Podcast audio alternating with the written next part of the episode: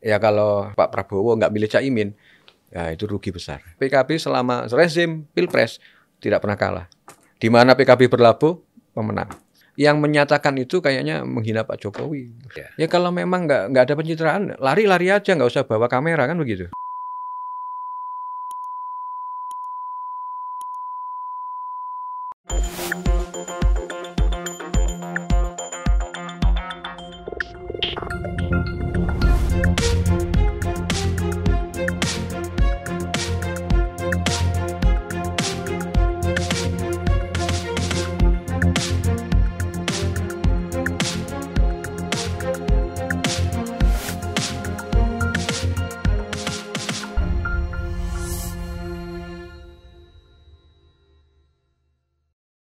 Assalamualaikum warahmatullahi wabarakatuh. Salam warahmatullahi wabarakatuh. Halus. Kita kedatangan tokoh muda dengan jabatan yang keren, ya. yaitu eh, Mas Hasanuddin Wahid. Mas Hasanuddin Wahid sekarang Sekjen, Sekretaris Jenderal Partai Kebangkitan Bangsa. Siap, Bang.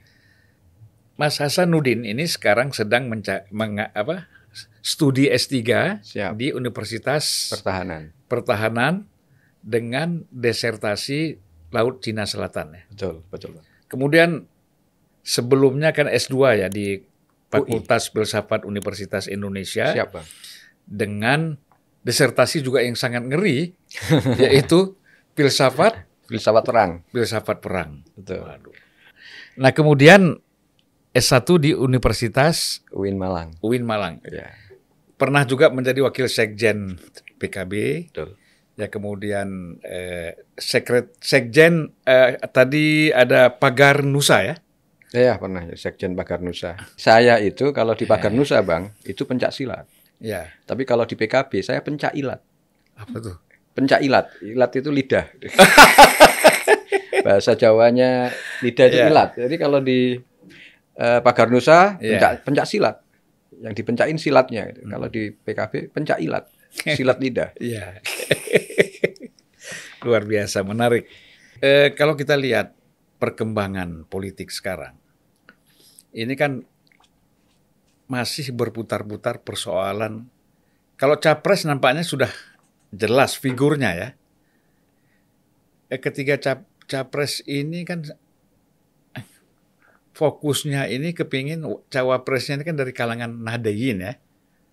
Nahdlatul Ulama ya. Ada yang mengharapkan Khofifah, Caimin, itu yang dua yang muncul yang sekarang. Kemudian eh, termasuk Pak Mahfud, termasuk ada Nazarudin Pak Profesor Dr. Nazarudin Umar. Lalu ada lagi Pro Islam eh, PBNU, Ya. ya itu juga menjadi calon kuat. Nah, jadi kalau kita lihat di situ eh,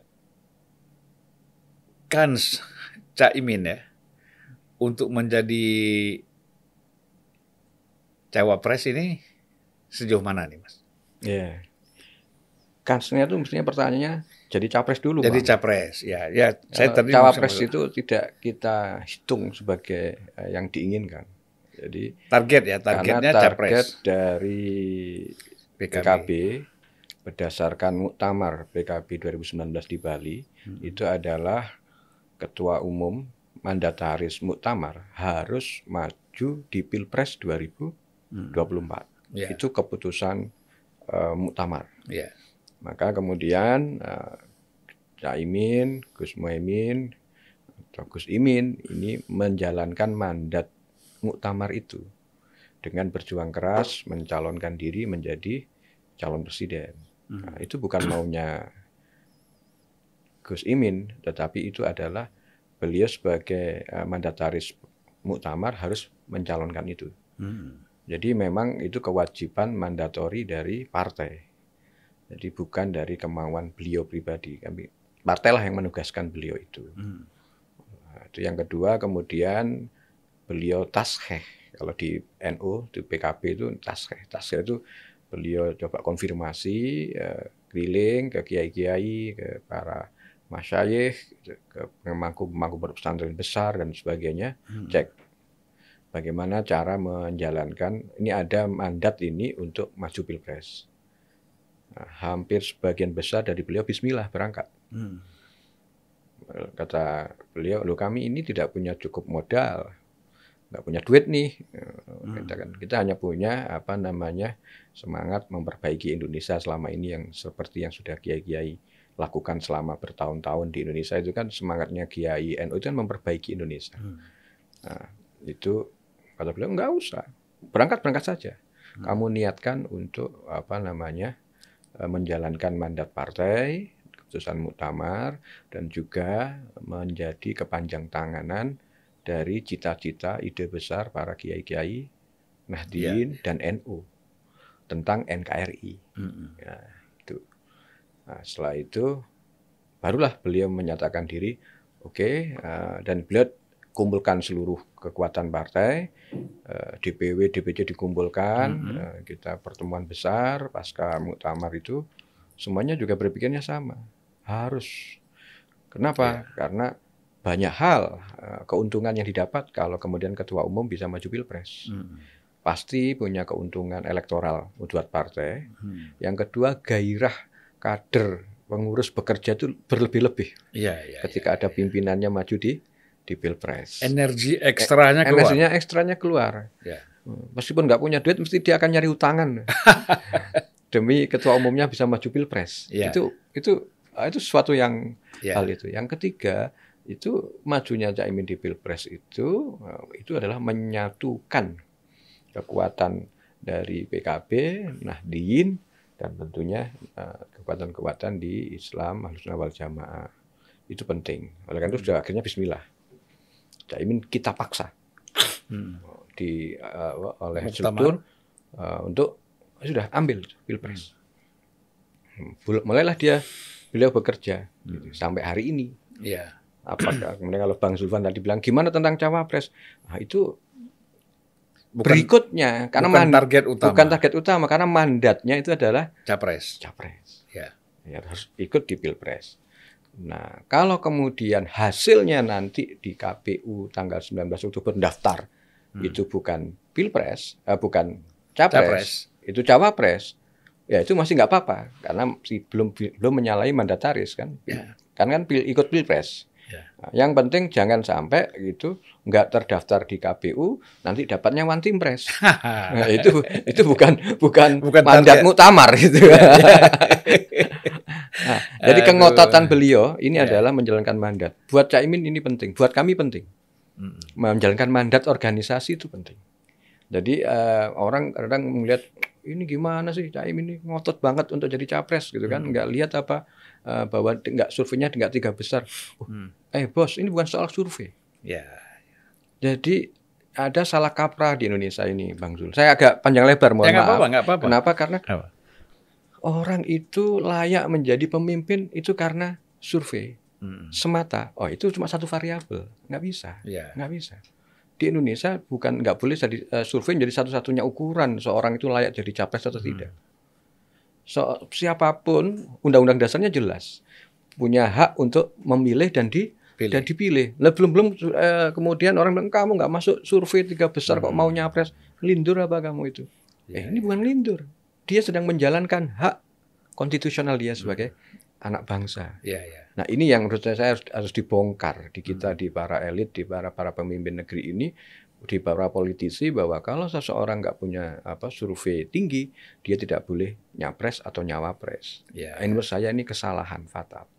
Karena uh, yang berhak mengikuti pilpres itu partai politik. Hmm. Mohon maaf bukan lembaga survei. Hmm. Lembaga survei hanya mengukur tentang popularitas, elektabilitas seseorang, tetapi Eh, hasil survei itu tidak bisa menjadi alasan untuk mengkat keinginan orang untuk hmm. mencalonkan diri baik yeah. presiden ataupun wakil presiden. Itu, itu yang kedua. Yang, ya, yang, yang sebenarnya kedua. dia layak ya.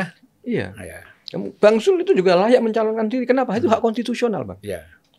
Cuma persoalannya enggak kan partai mana yang bersedia. Ya, ya benar. Karena memang rezim apa demokrasi kita kan menjadikan partai politik sebagai hmm. salah satu pilar utama demokrasi kita. Nah kalau pengen jadi nyapres, masuklah di politik kan begitu. Yeah. Di partai politik, jadi anggota partai politik. Hmm. Bukan membeli partai politik. Nah, itu yang penting. Ya. ya kalau mau nyapres, jadilah apa, kader partai politik, berkiprahlah di situ, calonkan diri jadi presiden. Jadi Kecuali di undang-undang dasarnya ada calon perorangan, nggak ada bang. gini, nggak ada. Harus kader partai Ya. ya. Harus melalui partai politik. Itu undang-undangnya, Ya. itu peraturannya. Hmm. Jadi rule of the game-nya begitu. Hmm. Nah, jadi nyalonkanlah Anda menjadi presiden, calon wakil presiden dari partai politik bukan karena survei. Hmm. Nah itu itu yang yang berikutnya belum tentu bang ini tiga tiga orang capresnya bisa empat loh bang. Ya. Jadi abang bilang oh tiga tiga tiga orang kemungkinan ngerucut kemudian Itu hanya kalau dua. kalau berdasarkan su- survei. Nah, Nah, tapi kalau di luar survei kan bisa empat. ya bisa kalau lima. matematika politiknya bisa empat. Ya. Ini kan sudah pasti eh, Ganjar dengan PD apa dengan P3 dengan Hanura. Hmm. Kemudian yang sudah satu rumpun PKB dengan Gerindra. Ya. Yang satu rumpun Nasdem, eh, Demokrat sama PKS. Ini kan masih ada dua ini yang belum tentukan. Golkar sama PAN Golkar sama PAN. Hmm. Padahal kalau duanya bergabung bisa Cukup. maju. dan kalau itu bergabung, wah itu keren. Jadi empat, Keren. lah. indah ini. Iya. Polarisasi nggak akan terjadi. Semakin banyak kandidat, menurut saya tidak akan terjadi polarisasi. polarisasi. Tapi kalau hanya dua, boleh jadi head to head itu politik identitas akan mengemuka lagi, bang. Iya, iya, iya. Oleh Bahkan karena itu. kalau situasi sekarang tiga pun bisa terjadi polarisasi. bisa terjadi polarisasi. Coba itu, Wah, saya berharap Golkar jadi pemecah kebekuan dengan PAN gitu. Ambil yang Soal keempat. nyali aja berani apa enggak? Nah, itu kan. Nanti kalau nggak ada yang berani, jangan-jangan PKB yang punya nyali begitu.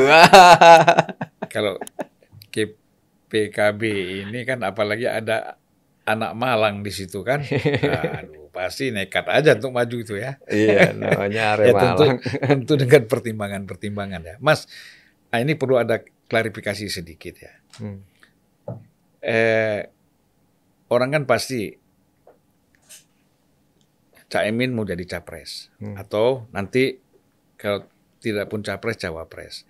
Ini kan persoalan masih dipersoalkan nih. Oh nanti ada kasus kotak durian lah macam-macam. Itu bagaimana cara menjawabnya itu mas? Tidak perlu dijawab, Hmm. menurut saya. Kenapa? Karena itu hanya muncul tiap kali mau ada pilpres. Ya. Kasus dalam tanda kutip yang pernah terjadi di masa lalu, Hmm. di tahun 2011, itu muncul dulu 2018 Hmm. menjelang pilpres 2000 apa namanya 17 18 Hmm. 2019 tahun 2017 akhir mulai dimunculin Hmm. bayangkan persoalan sebelah 2011 sudah diputus di tahun 2012 semuanya eh, yang terlibat di situ sudah menjalankan hukumannya sudah selesai Hmm. baru diungkap 2018 Hmm. selesai 2019 eh, 2019 terjadi pilpres hilang tuh kasus Hmm. Nah, sekarang kemudian menjelang 2024 dimunculkan 2002 kemba- kembali gitu kan. Hmm. Selama tiga tahun tidur kasus itu. Hmm. Kan antik itu, Bang. Ya, ya, ya. Menurut saya eh, hukum jelas sekali. Bahkan terakhir itu teman-teman Maki kan menggugat eh, ke pengadilan Jakarta Selatan Ya. meminta agar KPK membuka kembali kasus itu. Hmm. Kemudian pihak KPK sudah memberikan jawaban bahwa mereka sudah melakukan tugasnya itu dan hasil sudah eh, ten- eh, tentang keterlibatan, kecurigaan keterlibatan dan sebagainya sudah disampaikan di pengadilan. Hmm. Bagi KPK itu sudah menjalankan tugasnya. Hmm. Hasilnya pengadilan menyatakan apa namanya Caimin nggak terlibat. Hmm. Nah, kan sudah ada Iya, putusan pengadilan. Hmm. Kalau sudah putusan pengadilan seperti itu, dengan sendirinya sudah selesai tugas KPK. Nah, itu kemudian eh, Pengadilan Jakarta Selatan menyatakan bahwa gugatan Maki untuk membuka kasus eh, kardus durian yang apa, apa ditengarai apa namanya ada Caimin di dalamnya gitu, Hmm. itu udah tertolak dengan sendirinya. Kenapa? Hmm. Karena dianggap itu sudah selesai. Tafsiran kami begitu Pengadilan Iya, iya, Jakarta Selatan. Artinya sudah nggak ada, ada problem. Jadi eh, dengan keputusan Pengadilan Jakarta Selatan kemarin bulan April itu ya Hmm. kemarin itu menunjukkan bahwa semakin clear dan distinct, bahasa filsafatnya clear and distinct gitu kan, Hmm. jelas dan tegas sekali bahwa tidak ada keterlibatan Gus Muhaimin dalam isu yang dihembuskan kardus durian. Hmm. Itu jawaban KPK di Pengadilan Jakarta Selatan Iya. itu menunjukkan itu, kemudian apa yang digugatkan oleh teman-teman Maki juga menunjukkan itu. Artinya sudah selesai itu kasus, nggak ada. Jadi nggak nggak perlu kita punya ketakutan apa pun dan buat PKB kedaulatan hukum itu penting di sini. Hmm. Kalau masih ada yang apa mempersoalkan itu, itu pasti adalah ya gorengan politik. Kan. Ya. Tahun politik kan pasti banyak gorengan. Ya, Nah, tetapi secara hukum kami meyakini bahwa pe- pengadilan Sudah dulu selesai. sudah memutuskan 2012, kemudian Maki ngajukan gugatan pra peradilan pun juga ditolak, itu menunjukkan bahwa udah nggak ada masalah. clear. Udah clear urusan kardus durian. Jadi gitu. kalaupun sekarang masih ada yang mengangkat-ngangkat soal kardus durian, ini hanya persoalan kepentingan politik tertentu dari pihak tertentu kan gitu aja. Mas? faktanya begitu. Ya. Nah, kalau demikian ya Mas ya. Apalagi ini yang yang eh, belum diputuskannya pasangan eh, Prabowo dengan Gus Imin ini. Kan harusnya sudah cepat aja diputuskan. Soal kotak durian secara hukum, ya kardus durian secara hukum sudah selesai. Kemudian kalau kita lihat dari threshold 20% lebih Hmm. kalau seandainya koalisi antara Gerindra dengan PKB. Dan figurnya sama-sama kuat saya kira ya. Artinya Mas Prabowo juga cukup kuat, Gus Imin juga punya basis yang kuat. Sebenarnya sinergi kedua pasangan kedua orang ini untuk menjadi pasangan itu luar biasa. Tetapi yang menghambat ini apa kira-kira? Atau atau memang masih menunda waktu karena ini pakai strategi perang filsafat perang tadi atau gimana? gimana ini? Ibarat mana itu orang nikah, orang kawin itu selalu persiapannya panjang, Bang. Oh gitu. Karena kita bukan married by accident. Mm-mm. Gitu kan. Kita ini nikahnya tuh nikah beneran. Ketika nikah Ya. beneran, maka masing-masing kemudian melakukan persiapan-persiapan, Hmm. kemudian ngajak banyak orang untuk terlibat begitu. Jadi urusan mendeklarasikan siapa capres, siapa cawapres jelas Hmm. dalam dokumen kerjasama antara Gerindra dengan PKB Mm-mm. itu kita siapa capres cawapres dari koalisi kebangkitan Indonesia Raya itu ditentukan oleh dua orang. Hmm. Satu eh, ketua umum Gerindra Pak Prabowo Subianto dan satunya ketua umum PKB Gus Muhaimin Iskandar. Hmm. Beliau berdua inilah formaturnya kira-kira Hmm. yang akan merembuk siapa capres, siapa cawapres. Ya. Urusan ngerembuk siapa capres, siapa cawapres itu mudah, Bang. Yang paling tidak mudah itu adalah memetakan apa namanya perhelatan politik secara keseluruhan. Hmm. Apakah mengumumkan lebih cepat itu lebih baik Hmm. ataukah justru nunggu lawan dulu? Ya. Dalam teori perang kan begitu gitu kan. Ya. Kenali dirimu, kenali lawanmu. Nah, itu kan harus jelas dulu. Ya. Oh, kalau kita ini duluan, oh nanti yang lain pasti beda itu. Hmm. Nah, jadi per- eh, pertanyaannya dua di politisi itu. Semua lah saya yakin tanyakan kepada Ya. eh, PDIP, tanyakan kepada koalisi perubahan. Pasti akan nanya, mau dulu-duluan atau Ya. mau melihat langkah lawan. Ya pasti ada hitung-hitungannya. Dan hitung-hitungannya itu setiap partai punya. PKB juga punya. Hmm. Bahwa kawinnya, nikahnya PKB dengan Gerindra ini ada pernikahan eh, banyak aspek dan kemudian banyak simbol itu ya. Dan kalau mau jujur bang, pernikahan an- apa eh, semua koalisi yang ada ini hari ini, yang paling paten itu hanya pernikahannya PKB sama Gerindra. Ya. Kenapa? Satu eh, Gerindra eh, yang mewakili kelompok nasionalis, Ya. PKB mewakili religius. Hmm. Jadi kalau pasangan nasionalis religius, nah itu ada di Gerindra sama PKB. PKB. Itu ada di Gus Imin sama Pak Prabowo. Prabowo. Pak Prabowo Pak kuat figur nasionalisnya, Hmm. Mas Muhaimin ini sebagai cicit dari pendiri NU gitu kan, Ya, darah biru di NU nih Gus Muhaimin ini. Eh, dan bukan kaleng-kaleng yang Ya. bukan datang hanya untuk ny- nyapres atau nyawapres ke NU. Jadi memang dia lahir dari NU. Ya. Itu yang kemudian itu dari sisi komposisi sipil militer menarik dua-duanya. Hmm. Satu sipil, satu militer. Ya. Dapat tuh, Bang. Nasionalis religius dapat. Eh, sipil militer dapat nih dua orang nih. Nah, Kemudian dari sisi apa lagi? Tua muda. Satu tua senior Ya. Pak Prabowo. Yang kedua muda. Gus Muhaimin masih muda. Ya. Kan yang nyari apa abang lah yang dulu yang yang juga ikut menjadikan Caimin jadi aktivis hebat di Jakarta kan ya abang Zulfan juga toh. Nah itu artinya dia muda, muda tua muda, oke. Kemudian apalagi yang di- eh, dicari Eh, itu ada di sini. Ya. Yang dibutuhkan Prabowo ada di Pak Muhaimin. Kenapa? Begini. Pak Prabowo dua kali pilpres itu kalah hanya besar itu hanya di Jawa Tengah, Jawa Timur. Hmm. Pak Prabowo menang di beberapa tempat bahkan di luar Jawa Ya. di beberapa provinsi di luar Jawa menang. Jawa Barat juga menang. Iya. Tetapi kemenangannya itu tidak sebanding dengan apa namanya kekalahannya di dua provinsi ini, Iya. Jawa Tengah, Jawa Timur. Iya. Di Jawa Tengah dia kalah sekitar ya 11 jutaan Hmm. atau bahkan ya hampir 12. Di Jawa Timur dia kalah 8 juta, Bang. Hmm. Kekalahan ini kalau digabungkan 12 tambah 8 20 juta. itu sangat signifikan. Sementara hanya 48 sama 52 atau berapa ya? Selisih Pak Jokowi dengan Pak Prabowo Ya, kemarin. 4 persen ya. 4 sampai 6 persen lah 4 maksimal. sampai 6 persen. Nah, ke 2 ju- 20 jutaan itu itu di Jawa Tengah di Jawa Timur, Bang. Ya. Nah, dalam konteks ini pemenang eh, PKB itu rajanya Jawa Timur. Di Jawa Tengah PDIP, runner up-nya PKB. Ya. Nah, partai yang seperti ini di Jawa Tengah di Jawa Timur nggak ada selain PKB sama PDIP. Hmm.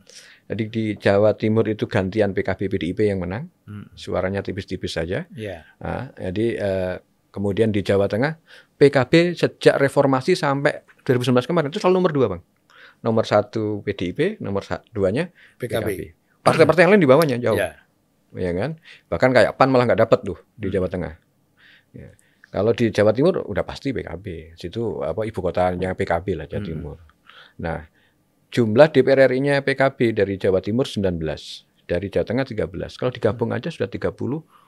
Hmm. Dari 58 anggota DPR RI-nya PKB, 30-nya dari Dari Jawa Tengah, Jawa Timur. Jatuh. Hampir hampir 45 persen itu dari Ya, dua ini.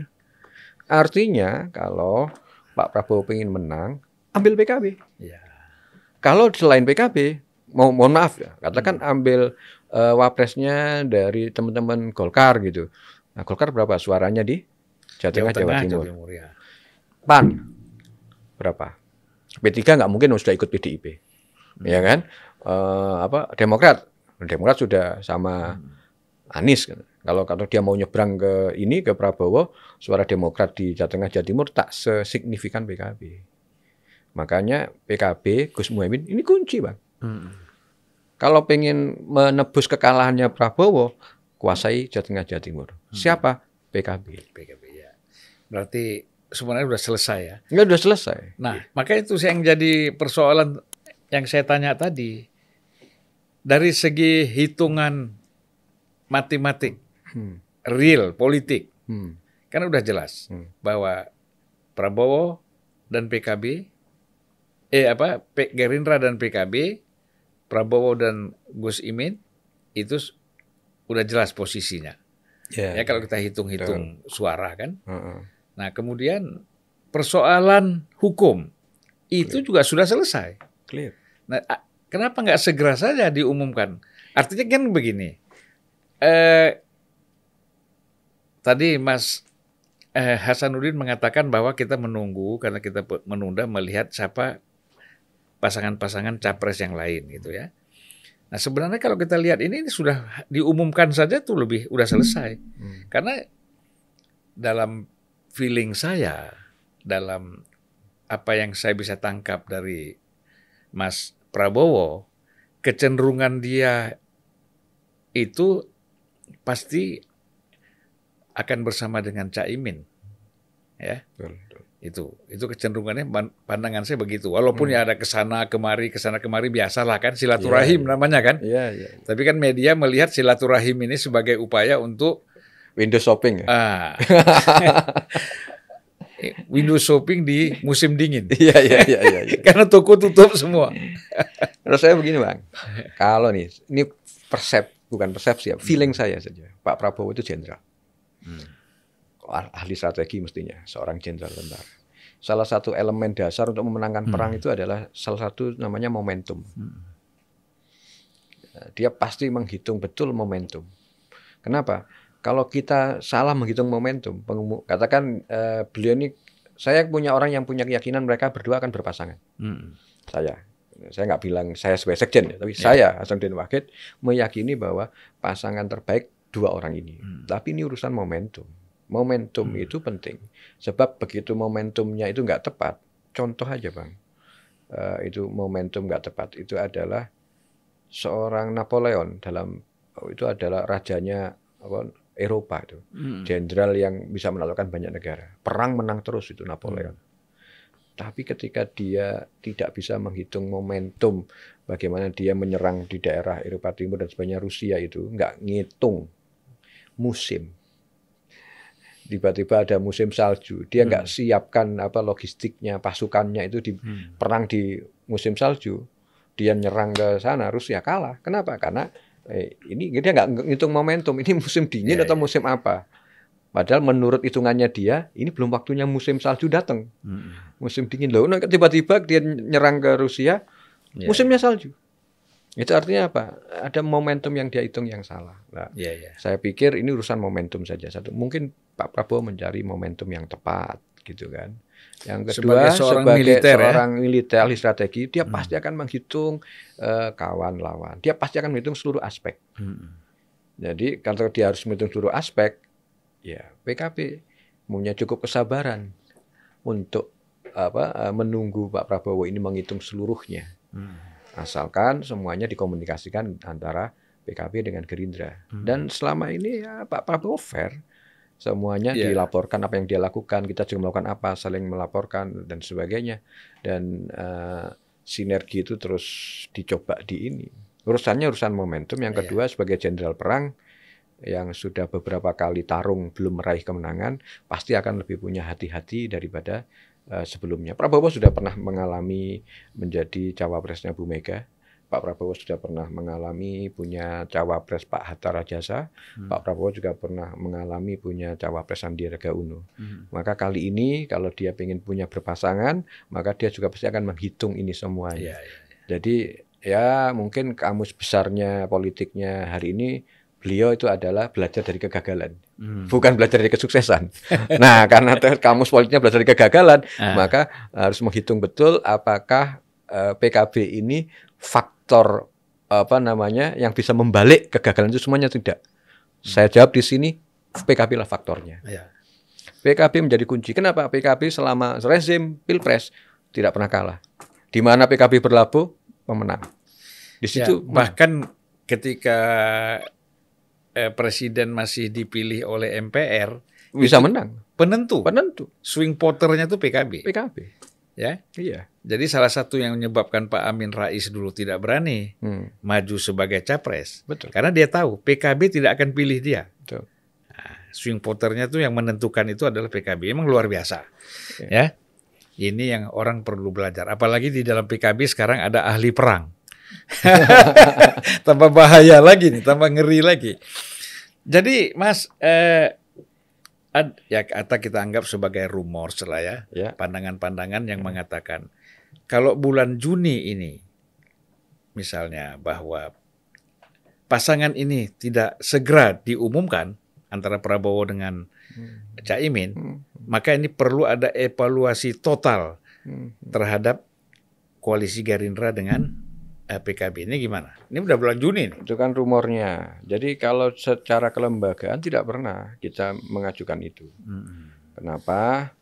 Karena itu kan maunya para kiai-kiai itu. Ya. Kiai-kiai itu kan sudah ayo segera, ayo segera, ayo Ya. segera. Kenapa? Karena ini bulan baik untuk nikah. Di mana-mana nikah itu bulan Syawal katanya. Oh, Ini kalau lewat bulan Syawal malah nggak bagus dan sebagainya.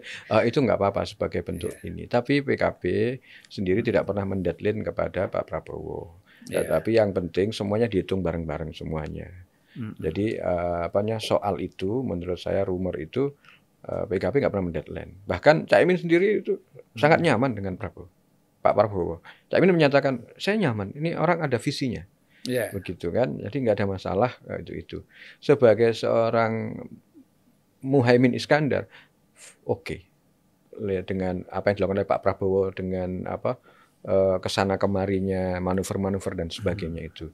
Tapi eh, tentu saja sebagai ketua umum kan beliau nanti pasti akan bertanya kepada partai. Mm. sebagai pemegang mandataris beliau pasti akan nanya. Nah, kemudian beliau juga akan nanya kepada para kiai nanya ke semua pihak. Hmm. oh ini sudah bulan Juni nih ini sudah bulan Juli nih. Progresnya apa? Ya yang namanya orang ini kan harus ada progres. Sebagai ketua umum partai beliau pasti akan melakukan progres-progresnya. Ya. tapi sampai sekarang kami nggak pernah mendeadline secara apakah ada deadline resmi dari PKB kepada ini enggak. Ya. Kalau untuk orang per orang ada ada kiai yang pingin mendeadline sebagainya, kita pasti akan sampaikan ke Prabowo. Dan PKB terkenal selama ini kalau berkoalisi itu setia loh. Hmm. Pernah cek PKB itu loncat-loncat. Hmm. Enggak. Eh, Dengan Pak SBY dua periode. Dengan Pak Jokowi pun dua periode. Ya.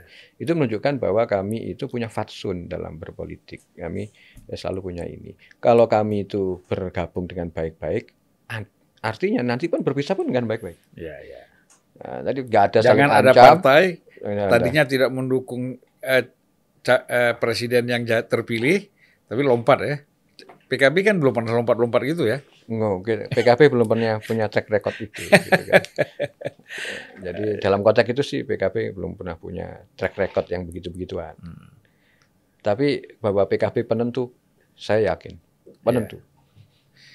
Jadi satu lagi ini kan kira-kira satu bulan yang lalu itu menarik ya. Hmm.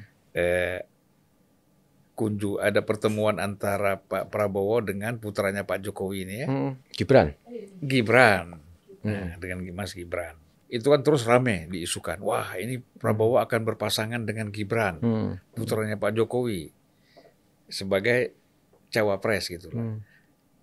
Ya tentu kan eh, kita mau konfirmasi langsung ini. Hmm. Bagaimana sih eh, ketika mendengar ini dari pimpinan PKB sendiri bagaimana melihat? Nyantai aja kita. Nah, Jadi siapa pun dalam konteks tadi itu kan eh, pasti Prabowo, Pak Prabowo mau ngajak Pak Gibran, Mas Gibran atau mau ngajak siapa pun untuk eh, ditawari menjadi pasangannya berdasarkan diktum kerjasama PKB sama Gerindra hmm. ada no, poin 4 pasangan capres cawapres diputuskan oleh Pak Prabowo sama Pak Muhaimin. Muhaimin. Pasti kalau seandainya Mas Gibran kepingin gitu. Hmm. Saya nggak tahu yang kepingin Mas Gibran atau Pak Prabowo-nya kan gitu, Hmm. karena kita belum tahu pastinya. Iya, iya, iya. ya kan. Nah, tapi kalau katakan beliau apa namanya Mas Gibran pingin gitu, kan pasti eh, Pak Prabowo sama Pak Muhaimin akan berembuk dong, Hmm. memutuskan. Oke, gimana kalau kemudian ini Mas Gibran gitu. Nah, itu kalau apa pasti akan melewati fase itu. Tapi buat kami nggak ada kekhawatiran apa pun karena karena kan juga masih banyak hal ya. Apakah Mas Gibran umurnya cukup? Setahu saya kan umurnya nggak cukup. Batas seorang calon presiden 40. itu 40 ya. Mas Gibran belum 40. Hmm. Yang kedua, apakah eh, Mas Gibran apa namanya langsung eh, apa eh, menjadi cawapres itu sementara Mas Gibran kan eh, KTA-nya PDIP. Hmm. PDIP sudah punya kandidat. Iya, iya, iya. Kalau kemudian Mas Gibran ingin jadi calon wakil presidennya Pak Prabowo, nah itu gimana dengan partai asalnya? Hmm. Pasti kan ada respon dari partai asalnya. Kemudian yang ketiga, opini publik. Hmm. Pak Jokowi dipersepsikan oleh publik nanti kok maksakan anaknya. Kurang elok. Nah, itu dalam konteks persepsi publik. Iya. Tapi buat eh, hak konstitusionalnya boleh. Iya. Dan punya hak, Mas Gibran punya hak, Pak Jokowi punya hak mencalonkan Mas Gibran katakan itu punya hak. Hmm. Kenapa? Karena itu eh, ini negara demokrasi. Undang-undang dasarnya ngasih ruang itu, nggak peduli dia anaknya siapa. Hmm. Setiap orang punya hak untuk memilih dan dipilih. Iya. Bagi PKB no problemo lah gitu. Cuma ya dikembalikan kepada publik, dikembalikan kepada apa kita semuanya eh, elok atau tidak eloknya. Jadi Saya- menurut saya Menarik itu. Mas tadi. Jangan karena dia anak presiden terus dia terhambat untuk dijadikan sebagai Iya, calon ya. Kasihan. Iya, nggak bisa. Karena kan Bisa. eh, anak siapa pun bebas Bebas, ya. siapa pun. untuk maju sebagai Hmm. eh, apakah presiden ataupun eh, Syarat rukunnya memenuhi tidak kan begitu kan? Iya. Syarat rukun formalnya, persyaratan secara formal, persyaratan secara moral, persyaratan ada persyaratan moralnya loh. Iya. Jadi capres cawapres ada persyaratan moralnya gitu kan. Terus ada kemudian eh, persyaratan secara eh, iya ya, etik pub- Hmm. etika publik bahkan yang paling terakhir itu adalah ini kehendak rakyat. Nah, Kira-kira itu bisa mau apa eh, mendapatkan dukungan banyak pihak enggak rakyat enggak itu saja menurut saya Ya di samping itu pertimbangan Pak Jokowi sendiri ya, saya kira Iya, pasti punya pertimbangan yang matang untuk ya kalau di saya nggak tahu ya kalau di publik kan Pak Jokowi bilang "Oh, nggak logis kan gitu Hmm. kalau kalau saya sudah ada jawaban Pak Jokowi Iya. paling saya bisa dikoreksi tapi waktu itu itu kan kayak nggak logis gitu kalau Iya, Pak iya, iya, iya. itu jawaban publik Atau bahasa lainnya belum saatnya. Iya. Ya Nah, kan? persepsi saya, tafsiran saya atas pernyataan presiden itu, gitu bilang nggak logis. Beliau ini orang Jawa. Hmm. Beliau ini orang eh, orang Solo, Jawa yang pasti akan memegang erat eh, budaya tradisi Jawa. Hmm. Bahwa namanya eh, rat, eh, Sabdo Pandito Ratu. Ratu. Jadi kalau beliau sudah bilang tidak logis gitu kan. Hmm. Nah, itu kan nah, itu berarti itu sebagai Sabdo Pandito Ratu buat orang Jawa. Iya. Berarti beliau tidak menghendaki Gibran sebagai eh, cawapres. Itu kalau dalam konteks filsafat falsafah Jawanya ya, itu Sabdo Pandito Ratu omongannya presiden itu. Hmm. Nah, di situ makanya saya bilang itu rumor aja lah. Hmm. Pak Jokowi bukan tipologi orang seperti itu. Beliau ini sudah hebat prestasinya begitu, terus kemudian diojo-ojoi eh, begitu. Tapi dari Sabdo Pandito Ratunya, presiden menyatakan tidak logis. Dan memang tidak ada pernyataan dari Pak Jok eh Pak Jokowi, dari Pak Mas Prabowo misalnya bahwa Gibran ini akan menjadi cawapres kan tidak ada ada, pernyataan. nggak ada. Dan tidak ada juga pernyataan dari Gibran ingin menjadi cawapres. Hmm, hmm. Ya kan? Nah, ini kan publik hanya meraba-raba, menangkap-nangkap tadi dari window shopping tadi. Iya, iya, iya. Kan iya. gitu Mas ya? Tapi memang penyakit Indonesia begitu, Bang. Indonesia itu adalah rumor itu seperti hoax, seperti hoax. Ah, Nah, hoax itu jalannya melebihi kecepatan cahaya. hmm. Nyebarnya itu melebihi kecepatan cahaya itu. Iya. Wah, rumor Mas Gibran capres Prabowo. Oh, itu j- isunya itu melebihi kecepatan cahaya, nyampe ke mana-mana. Ah, Sementara klarifikasinya dari Pak Jokowi yang dibilang tidak logis tadi itu eh, lambat. lambat. Ah, Jadi jalannya itu ya jalannya orang jalan kaki lah kira-kira. Iya, Jadi tidak tersosialisasikan. Jadi memang di Indonesia itu iya. bahaya itu adalah hoax dan rumor itu penyebarannya melebihi kecepatan cahaya. Iya. Ini yang harus dicarikan terapinya saya nggak tahu. Mungkin Bang Zulfan bisa nyari terapinya ini. Iya. Terapinya kita ini harus kita kontemplasi lagi. Iya, iya. Mas, eh, seandainya ya, kita kan bicara seandainya bahwa bila Saya minum Mas. ya silakan. Eh, bila nanti ternyata Caimin tidak menjadi capresnya Prabowo, ya kan? Nah, berarti kan kalau kita bicara empat tadi, ada tiga presiden lagi, capres lagi kan?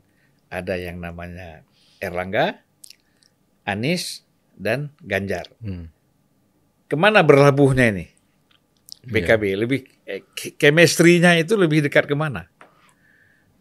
Kita ini nggak berpikiran Caimin nggak jadi Cawapres. cawapres minimal itu nggak punya pikiran itu bang. Ya, Insya Allah sih pasti pasangan lah. gitu ya. kan. Nah, kalau namanya sudah andai kata ya, Hmm. Ya, namanya andai kata ya kita jawabnya itu seandainya ya kita juga nggak bisa berandai-andai. Saya nggak paling nggak mungkin bisa berandai-andai. Tapi intinya satu aja bahwa PKB itu bisa terbuka dengan siapa pun. Hmm. Tapi PKB adalah partai yang menghormati komitmen.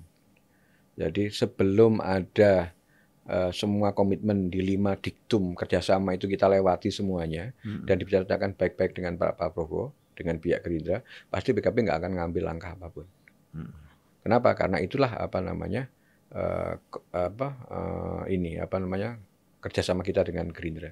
Saya yakin juga Gerindra juga punya pikiran yang sama dengan PKB Hmm. bahwa kerjasama ini juga berdasarkan lima hal eh, item itu dan salah satunya adalah eh, siapa capres sama cawapresnya itu ditentukan oleh beliau berdua. Hmm. Lah faktanya hari ini kan eh, Gerindra sama PKB. Ya kan tinggal berdua aja ngobrol. Hmm. Makanya kalau kemudian Bang Zulfan bilang kan seandainya nggak dipilih, kan masih seandainya bang. Saya nggak bisa menjawab yang seandainya ini nggak bisa jawab. Karena seandainya itu belum tentu terjadi problemnya. Iya. Saya susah jawabnya kalau Hmm. seandainya loh. Karena saya nggak mau berandai-andai. Sebab berandai-andai itu ada dalilnya bang. Ana inda doni adibi. Hmm. Ada begitunya. Dia diskusinya apa? Eh. Saya kata Tuhan berdasarkan atas persangkaan apa hambaku. Lek hambaku kemudian menyangkakan bahwa kamu nggak akan berpasangan dengan itu, nah, maka kamu Tuhan dikasih. Ya udah kamu nggak usah pasangan sama itu. Nah, saya nggak mau masuk di wilayah itu. Jadi saya bersangkanya pasangan, Pasangan. ya. gitu kan. Kalau seandainya tidak berpasangan, saya jawab berpasangan. Kemudian ditanyakan lagi, oh ini kan mungkin saja nanti dengan dengan siapa, dengan siapa. Aduh, tetap saya bilang berpasangan. Ya. Tapi kalau sudah ada kejadian, baru saya bisa jawab.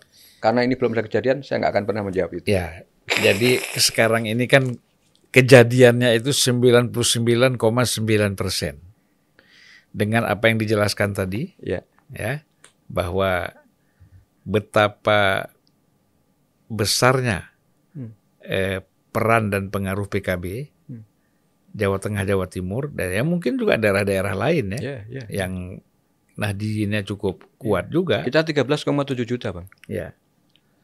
Termasuk di Aceh, Ya, itu Nahdliin kuat, betul. ya. Kemudian di ya mungkin Lampung, Lampung, Sumatera Selatan, Sumatera Selatan, kecuali Kalimantan Selatan. kecuali Jambi sama Sumbar ya, atau agak Ya. kurang ya, Tapi Jambi kita punya anggota DPR RI, Bang. Punya ya. Punya. Jadi kita 58. Aceh dua lagi. Aceh 2, Sumatera Utara 1, Riau 1, Iya. Jambi 1, Sumsel 1, Lampung 2. Ya. Kalimantan, Kalimantan Selatan, Kalimantan Barat kita punya. Sulawesi Selatan kita punya. Eh, Nusa Tenggara, bahkan NTT 2 kita. Hmm. Kita di tempat yang mayoritas non muslim tuh NTT, PKB 2 kursi RI. Hmm. Nah, DPRD provinsinya pimpinan, Hmm. wakil ketua. Artinya ya kalau katakan Pak, Prabowo nggak milih Caimin, ya itu rugi besar. Ya. Rugi besar. Saya Rugi kira besar. makanya saya bilang tadi 99,9 persen Hmm. Mas Prabowo itu akan berpasangan dengan Caimin, Amin. kan gitu. Hmm. Ya. Karena hitungannya udah jelas. Kecuali kalau tidak mau berhitung, Iya, iya. ya. Masa pengalaman yang lalu Ya, tidak digunakan sebagai eh, indikator kan, Betul, sebagai betul. alasan betul. seperti yang Mas Hasanuddin bilang. Saya kira kalau soal Prabowo sama Caimin ini clear ya. Kan abang udah dapat bocorannya. ya, artinya kan begini. Saya saya yang nanya bang, apa al- eh, alasan kata Prabowo untuk tidak memilih Caimin menurut abang? Ada nggak? Kalau dari Mas Prabowo sendiri tidak ada ya. Kan ada. Cuman kan menangkap isu Jadi, dari luar. Tapi isu tadi kan Isu tadi secara katakan hukum kados udah durian, selesai. udah clear. Udah clear. Terus ada. apalagi isu? Apa em, menurut abang apa gitu? Ya, Isu yang kemudian nggak- ada lagi. ada kan? Ada. Ah ya udah. Kalau katakan tentang sur apa namanya survei, bang, sepanjang sejarah Republik ini pemilihan langsung, yang namanya wakil presiden itu tidak dipilih berdasarkan survei. Hmm. Tak coba dicek. Iya. Apakah Pak Pak SBY milih Pak JK itu berdasarkan survei? Pak Budiono Pak Budiono? nggak ada Yai survei. Ma'ruf? Nggak ada survei. Semua nggak ada survei. Nggak ada survei wakil presiden sebenarnya. Tapi mesti survei presidennya. Loh, Iya. Di Indonesia ini masih paternalistik, Bang.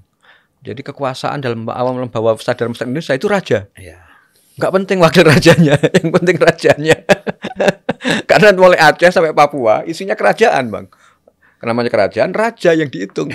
Masa ada apa wakil raja yang dihitung atau mahapati? Enggak, Bang. Iya. dong. Jadi orang kan mensurvei ini eh, wa- wakilnya ini, kalau wakilnya ini akan nambahi suara. Iya. Itu alam bawah sadar masyarakat Indonesia itu menolak itu. Dan survei membu apa eh, fakta membuktikan oh, seorang dipilih jadi wakil presiden bukan karena survei. Iya. Tapi ada satu kelebihan Pak Muhaimin. Dia adalah konsolidator suara. Muhaimin Iskandar itu adalah simbol konsolidator suara. 2029 eh, 2009 katakan eh, kita agak babak belur ketika ada pecah-pecah dengan Gus Dur. Hmm. Eh, cuma dapat 5 persen katakan. Tapi langsung rebound. 2014 naik Hmm. dari 28 kursi jadi 47 kursi di PRI Bang. 2019 naik lagi dari 47 kursi menjadi 58 kursi. Kursi. Itu artinya Muhaimin Iskandar seorang konsolidator suara. Nah, dari eh, 5,6 juta di tahun 2009 menjadi 2019 menjadi 13,7 juta suara PKB, Bang. Tapi kan ini peran sekjen ada juga. Oh, tidak. Hah? Pimpinan tunggal itu adalah mandataris itu adalah ketua umum. Ketua Iya. umum yang mampu menderivasi tugas-tugasnya kepada kami, ke sekjen, ke wakil ketua umum, ke yang lain dan sebagainya. Kalau kita ini kan namanya sekretaris jenderal membantu sepenuhnya ketua umum, Bang. Iya, memang itu pastilah. Artinya kan lebih banyak menyelesaikan persoalan-persoalan di dalam ya. Oh, sesuai dengan tupoksi. Ya, administrasi ya kayak Iya. program-program internal Iya. itu saya kira. Nah, ini kita berandai lagi Hmm, ya. Namanya apa?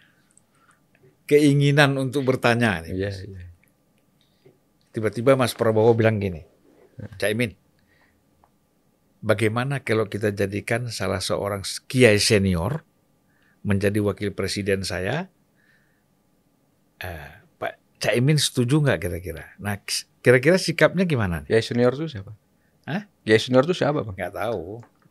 Nah, itu. Harus jelas lihat lu kiai seniornya itu siapa. Karena Misalnya Agil kiai Sirat, senior ya.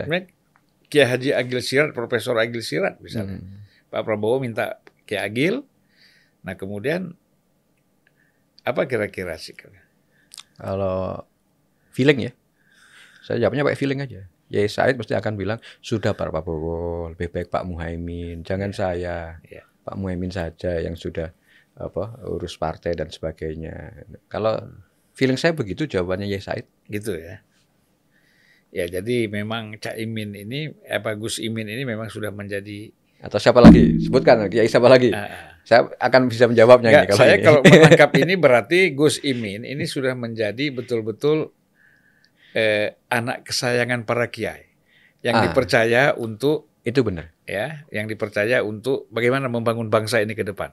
Jadi kalau nanti coba eh, Pak, Pak Prabowo itu sudah keliling. Hmm. Pak Muzani, Pak Prabowo itu keliling. Eh, sudah berapa bulan terakhir ini keliling ke kiai-kiai. Em, Hmm. Beliau sudah menyatakan kepada kami, mayoritas kiai menyatakan Pak Muhaimin. Hmm. Terakhir kemarin di Tambak Beras, ya kan? Di Tambak Beras dinyatakan Pak Muhaimin. Ada Gus Miftah, ada Kiai Marzuki Mustamar, ada Gus Ya. Kiai Haji Ali Musari- Masuri Tulangan, Hmm. ada Kiai eh, Yai apa Hasib, Tambak Beras, ada Bunyai Bunyai banyak-banyak lah di situ Duriah-duriah di Tambak Hmm. Beras. Itu eh, faktanya mintanya ke Gus Muhaimin. Hmm. Pak Prabowo juga menyatakan kepada kami bahwa mayoritas kiai Hmm. Di bawah itu mintanya Gus Muhaimin. Hmm. Ya kalau sudah mayoritas begitu gimana lagi kan? Artinya bahwa eh, Caimin dan PKB ini jadi kesayangan kiai. Ya, jadi artinya Pak Jokowi, eh Pak Jokowi, artinya Mas Prabowo itu perlu konsultasi dengan Pak Jokowi ya untuk menentukan cawapresnya itu apa itu artinya? Pak Prabowo ini kan prajurit, Pak. Namanya prajurit itu panglima tertingginya presiden. Ah, Kalau beliau ini kemudian berkonsultasi dengan presiden, monggo-monggo saja. Itu kita tidak bisa me- menolaknya. Hmm. Tapi kan eh, tetap sebagai bentuk etika politik Jawa. hmm. Itu kayaknya Pak Prabowo memegang teguh etika politik Jawa. Harus nanya konsultasi kepada Iya, iya, iya. presidennya, pimpinannya, nggak apa-apa. Tetapi saya yakin bahwa pasti Gerindra sebagai partai yang berdaulat, otonom pasti akan memutuskan secara mandiri Hmm. siapa pasangan Pak Prabowo. Saya yakin Iya, iya, iya. bahwa dia harus konsultasi kepada presiden, kepada pihak lain yang dianggap perlu, itu wajar. Hmm. Tapi kan kita juga punya keyakinan bahwa Gerindra punya otonomisasi, punya kedaulatan, kemandirian dalam mengambil keputusan. Iya. Sama halnya kemudian PKB juga punya kemandirian dan kedaulatan mengambil keputusan.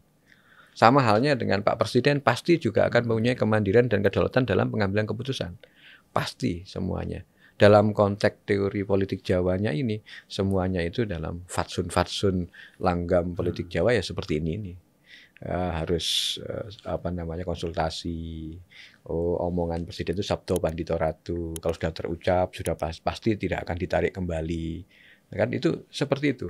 Nah, Hmm. kita meyakini dan Pak Jokowi itu pasti juga melakukan hal yang serupa. Iya. Jadi kan gini, eh, kalau kita bicara kan ada semacam skenario katanya Hmm. supaya capres cawapres ini semuanya adalah Jokowismen. Hmm. Ya. Ada Pak Ganjar, Sandiaga Uno, Hmm. ada Prabowo dengan Erik, Hmm. kan gitu. Hmm. Nah kira-kira apa ada dirasakan di PKB bahwa ter, eh, Cak Imin ini termasuk juga Jokowismen? Kita kan masih di koalisinya kan. Hmm. Jadi gini, all president men itu eh, orang melihatnya hanya nama-nama yang muncul. Nah, yang munculin itu siapa? Gitu. Apakah Muhaimin Iskandar, Gus Muhaimin itu bukan all apa all president men? Lah wong kita masih di dalam koalisi kok, Hmm. gitu kan? Terus kemudian dieksklusi bahwa ini bukan orangnya presiden. Hmm. Lah itu itu namanya itu menghina presiden. Saya kok melihat orang-orang yang menyatakan bahwa hanya empat orang ini, kalau dianggap tadi menurut sampean Hmm. ada empat orang ini sebagai all, ini harus all presiden man, Hmm. itu menghina presiden. Kenapa? Karena presiden pasti yang sudah berteman dengan beliau seperti all presiden man lah pastilah, Hmm.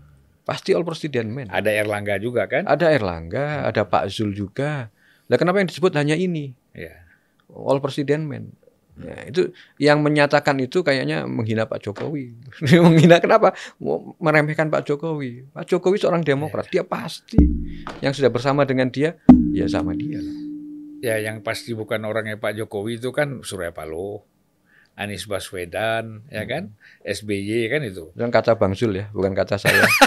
ya, itu kan kenya- kenyataan saya sekarang nggak yang, menyebut itu loh ya. yang berseberangan gitu kan. Ya kita kan me- apa menyampaikan apa yang kita lihat fakta-fakta yang ada kan gitu. Hmm, hmm. itu kan Gitu. di politik itu tidak semuanya apa yang tidak di di di de- depan layar itu sama dengan di belakang layar. Ya. Boleh jadi kemudian itu oh itu kelihatan bukan orangnya. Belakangnya berteman, Bang. Ya. Bukannya drama politik Indonesia itu banyak yang begitu. Tapi khusus untuk kali ini untuk yang saya sebut orang-orang yang saya sebut tadi nggak itu udah jelas berseberangan itu. Hmm. hmm, hmm. Sulit untuk sementara ini ya Ya, ya. untuk bertemu. Nggak tahu untuk setelah pemilu nanti. Jadi sebelum pemilu itu agak berat. Betul. Walaupun kemarin eh, Puan Maharani misalnya Mas ya ya. eh, menyampaikan bahwa eh, AHY Nah, termasuk salah satu cawapresnya Ganjar Pranowo kan gitu. iya, iya. Ya boleh, boleh di permukaan boleh seperti itu, tapi di belakang bisa lain. Nah, Bisa berbeda di depan, bisa bersama beda. di belakang, bisa bersama Dia di belakang, berbeda di depan. Bisa jadi dua-duanya juga berbeda. Ya. Nah, namanya politik Indonesia kan penuh drama. ya, jadi Mas Hasanuddin, Ya. karena sudah satu jam, ya saya minta adanya closing statement dari Mas melihat tadi dari awal sampai akhir itu kira-kira apa yang ingin disampaikan harapannya untuk untuk masyarakat ini melihat eh, persoalan terutama pasangan Prabowo dan Muhaimin. Yang pertama, selama ini isu capres, cawapres, isu politik kita selalu kental diwarnai dengan popula- debat tentang popularitas dan elektabilitas. Satu, terlalu eh, banyak diwarnai all president man atau di, atau di luar itu. Terlalu banyak kemudian eh, dibanding-bandingkan ini antara yang lari pagi sama yang tidak lari pagi gitu kan. Naik sepeda Naik dengan yang ke sepeda pasar. sama yang ke pasar dan sebagainya. Tapi buat Gus Muhaimin Skandar, buat saya dan itu saya lihat Gus Muhaimin berkali-kali ngobrol bersama kami diskusi itu bilang ini kita ini bagaimana menjadi eh, sebuah pilpres 2024 ini pilpres yang cerdas. Ya. Harapan Gus Muhaimin selalu begitu. Ayo PKB harus mempelopori pilpres 2024 pilpres yang cerdas, bukan pilpres politik identitas lah, Hmm. bukan urusan remeh temeh lari pagi, bukan persoalan adu apa namanya eh, populer di medsos lah, karena itu semuanya bentukan pencitraan, Atau apalagi saling jelek menjelekan. yang mau menjelekkan, saling mencitrakan diri begitu. Ya. Ya kalau memang nggak nggak ada pencitraan, lari-lari aja nggak usah bawa kamera kan begitu. Hmm. Nah, kalau- usah, nggak usah masuk video lah. Ah, nggak usah masuk video dan sebagainya gitu. Untuk kesehatan aja. Ah, untuk kesehatan saja, kira-kira begitu. Sama dengan yang lain. Nah, kenapa? Karena eh, 2024 harus jadi pil, eh, saat pilpres yang cerdas, kata Gus Muhaimin. Nah, salah satu tanda kecerdasan itu adalah kalau semuanya orang bicara gagasan, bukan bicara tentang popularitas. Orang populer itu nggak harus jadi capres gitu kan.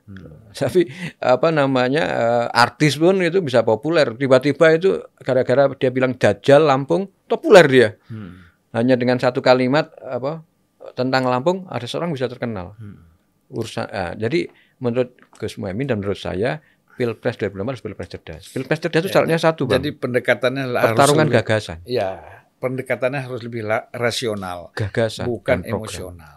Ya. tarung gagasan tarung program jadi kalau kemudian sehebat apa pun seseorang tapi kalau gagasannya nggak ada programnya nggak ada untuk republik ini buat apa nah ini PKB itu mengajaknya begitu Gagasan-gagasannya pra- Prabowo, kalau kita lihat ketika dia itu menjadi capres Hmm. 2014-2019, itu banyak dijalankan oleh Pak Jokowi. Hmm, hmm. ya terutama dalam konteks bagaimana BLT mengatasi kemiskinan segala macam. Tapi kan lihat yang menonjol 2019 kemarin kan politik identitas, Bang. ya Nah, itu PKB Gus Muhaimin bilang, aku nggak mau menghadapi uh, situasi apa pilpres yang kayak begitu. Kita harus ngomong tarung gagasan, tarung ide, tarung program. Jadi semua orang diuji karena apa komitmennya untuk Indonesia Raya, ya. bukan apa popularitas dia untuk Indonesia Raya. Hmm. Nah, itu yang pertama, bang. Uh, kalau sebagai closing statement saya satu. Yang kedua, yang ingin uh, saya sampaikan itu adalah uh, Caimin berkali-kali bilang begitu bilang-bilang begini, apa namanya? Politik ini kan eh, di Indonesia ini kemudian kita banyak menghabiskan resources dan sebagainya. Hmm. Bagaimana politik nggak banyak menghabiskan resources? energi terbuang banyak energi ya. terbuang banyak. Itu harus menjadi PR seluruh politisi di Indonesia. Bagi kami Pilpres 2024 itu adalah bagaimana energi bangsa ini tidak tercurah penuh ke situ ansih hanya untuk Hmm. mencari pemimpinnya, tapi kita harus tetap sadar bahwa apa pun bentuk pertarungannya tidak boleh menciderai tentang rumah besar Indonesia. ya dan dan Energi yang diserahkan ke sana Iya. tidak boleh melebihi perhatian kita kepada urusan NKRI ini. Hmm. Nah, ini ini ini yang ini. dan PKB saya lihat sudah mengawali ini dengan menerima kawan-kawan non Muslim untuk menjadi caleg dan pengurus PKB ya. Sejak PKB berdiri, Bang. Iya makanya. Jadi itu satu bukti bukan hanya bicara. Ya. Untuk bicara soal bagaimana menghilangkan politik identitas. PKB sudah sejak awal partai terbuka. Ya.